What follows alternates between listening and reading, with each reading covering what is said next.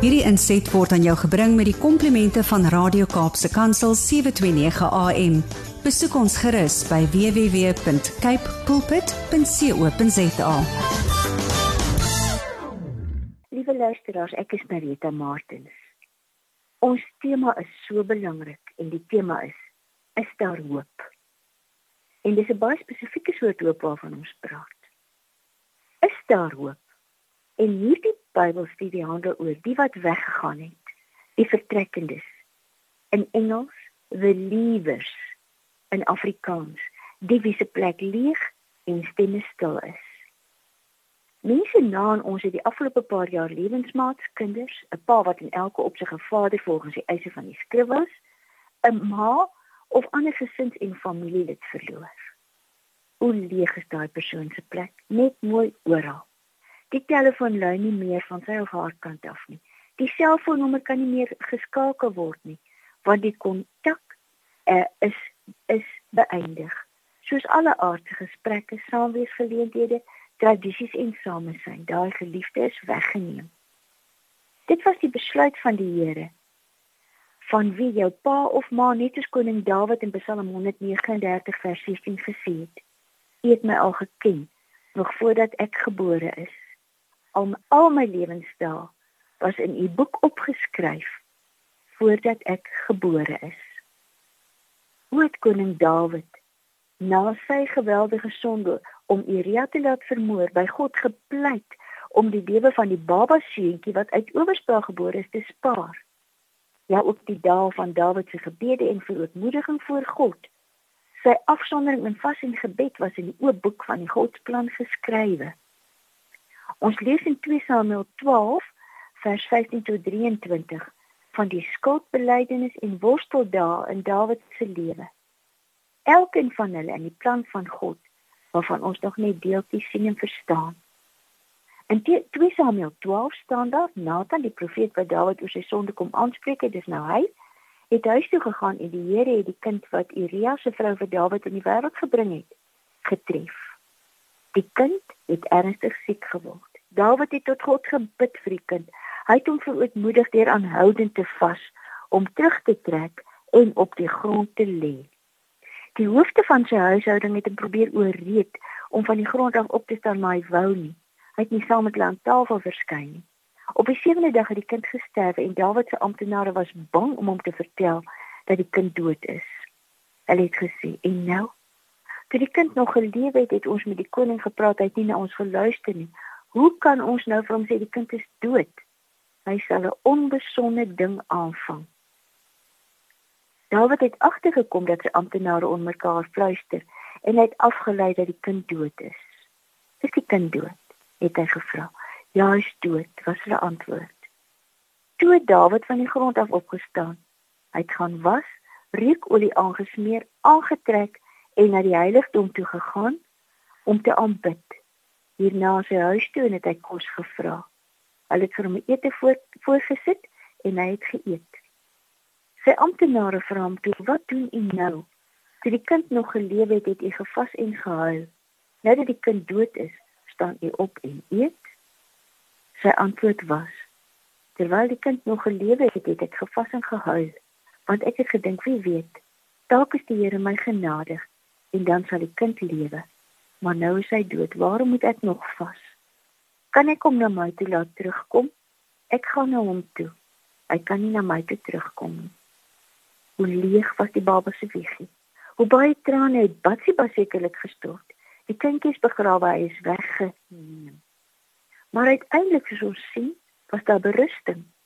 Die dood kan nie omgekeer word nie. Uiteindelik moes Dawid net voortgaan met sy lewe en hy het want Die kindjie wat gesterf het, was nie 'n volwasse of adolessente liewer 'n vertrekkende nie. Dan gaan ons nie voort met ons lewe nie. Wanneer Jesus vir ons die gelykenis van die verlore seun vertel, die geweldige verhaal in Lukas 15, lees ons van 'n adolessente of volwasse liewer 'n vertrekkende van 'n gelowige pa se seun wat sy eie koes inslaan Hy was seker nog 'n adolescent wat ons hoor nie uit Jesus se mond dat die jongste seun 'n vrou en kinders of 'n verloofde gehad het nie. Ons lees van die smart wat miljoene ouers tot vandag toe ervaar wanneer hulle kinders die pad van die Here verlaat en verlore seuns, verlore muntstukke en verlore skape van die goeie herder word. Kan ons dit vir mekaar sê? Waarborge dat 'n kind wat in 'n gelowige gesin groot geword het, nooit sal afdwaal nie, word nie vir ons gegee nie. Soos wat elkeen van ons deur die sondeval besmet en beskadig is, is ook ons kinders besmet en beskadig. Jesus vertel hierdie gelykenis van 'n afdwaalkind omdat kinders afdwaal. Omdat kinders die geestelike leefstyl van die gesin van herkoms kan afskud omdat die mens sy hemelse Vader verlaat, omdat hierdie hartverskeurende ding gebeur. Jesus praat met die ouers van die liewers, die huis en God verlaters, die vertrekkendes, die afwesiges, die wie se plek leeg is al leef hulle nog iewers. Hy praat met elke ouer en grootouer in sy onbeskryflik deernisvolle gelykenis van die verlore seun, die huis en God verlater. Voel jy soos 'n mislukking omdat jou kinders of kleinkinders dinge doen en praktyke beoefen en aangetref word in plekke soos wat die verlore seun besoek het? Plekke waar die pa yskoud sou geword het indien hy 'n selfie of twee van sy kind uit daai plek sou ontvang het. Maar daar was nog nie selfoon en selfies in Jesus se tyd nie met sy volmaakte beskrywing. Lukas 15. Nie lank daarna nie, het die jongste seun alles tot geld gemaak en van die ou huis af na ver land toe vertrek. Daar het hy sy geld verkoos deur losbandig te lewe. Hoe leeg was sy plek? Hoe stil sy stem in die ouer huis? Dalk het sy kinders speelgoed nog iewers gelees, speelgoed uit die tyd toe hy nog op sy pa se rug geabba is toe hy nog op sy ma se skoot gesit het. Toe hulle opofferings vir hom gemaak het sodat hy eendag sy plek in die samelewing kon gaan inneem. Jesus vertel hierdie gelykenis wat die absolute goddelike begeerte ten opsigte van die terugkeer van sondaars na die God die Vader aan ons oordra. 2 Petrus 3 vers 9 hy is geduldig met julle omdat hy nie wil hê dat iemand verlore gaan nie. Hy wil hê dat almal hulle moet bekeer.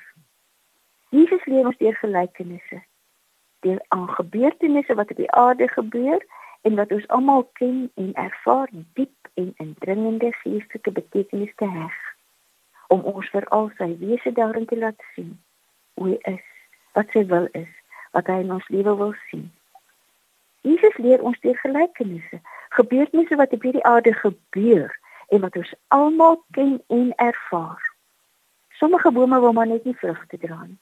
Mense snoei die druiwestokke. Voels piksaad wat ons saai op. Dorings en distels groei in ons groentebeddings. Skape raak weg omdat hulle dom is en nie te koes kan inslaan. Diewe en rowers steel skape. Muntstukke rol iewers in dan hulle weg. En talle en talle kinders kies hulle eie koers. Hulle word liewers, vertrekkendes, huis en God verlaters.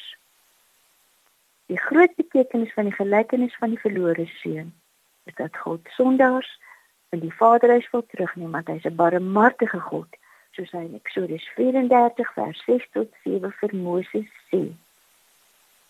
Maar sonder enige vrees vir teespraak kan ons ook sê Jesus se verhaal van die verlore seun en die gebroke wagtende pa speel in tienduisende Christenhuise in Suid-Afrika en op elke kontinent op aarde af die werklikheid. Daarom gebruik Jesus juis hierdie smartlike feit as materiaal vir 'n gelykenis om ons van die wagtende God, van vernietigende menslike keuses, die werking van die Heilige Gees, sonde besef, skuldbeleidnis, goddelike vergifnis en opname in die koninkryk van God te leer. En dat ek en jy ook gereeld die aardse pa en ma in die gelykenis van die verlore seun is. Dawid was ook so. Dawid was ook soos ons vol foute en het ook skokkende en verskriklike oortredinge begaan, maar hy het die Here in sy hart gekoester. Ook ons leef met gedagtes aan God, met sy woord as lamp vir ons voet en lig vir ons pad, met hom as die een wat ons vergewe, vergewe as as mense met hom as ons enigste rots wanneer die stormwind huil. Maar Dawid het ook sy verlore seuns gehad. Lees maar in 2 Samuel 13 van vers 1 tot 22 van een van hulle se adolessente lewe oor die skrikwekkende immorele ding wat daai kind aangevang het 2 Samuel 13 Daar was nog nie selfoon en selfies in daai tyd nie. Maar God het vir ons laat neerskryf hoe een van Dawid se dogters na haar broer Amnon se daad gelyk het. Dis wat in 2 Samuel 13 staan. Nadat die slaaf haar uitgesit en die deur gesluit het, het Tamar stof op haar kop gegooi. Sy het 'n lang mantel geskeur, haar lang mantel. Haar hand op haar kop gesit en sover sy loop, het sy geskreeu. Het jy al so gemors in jou eie huis gesien?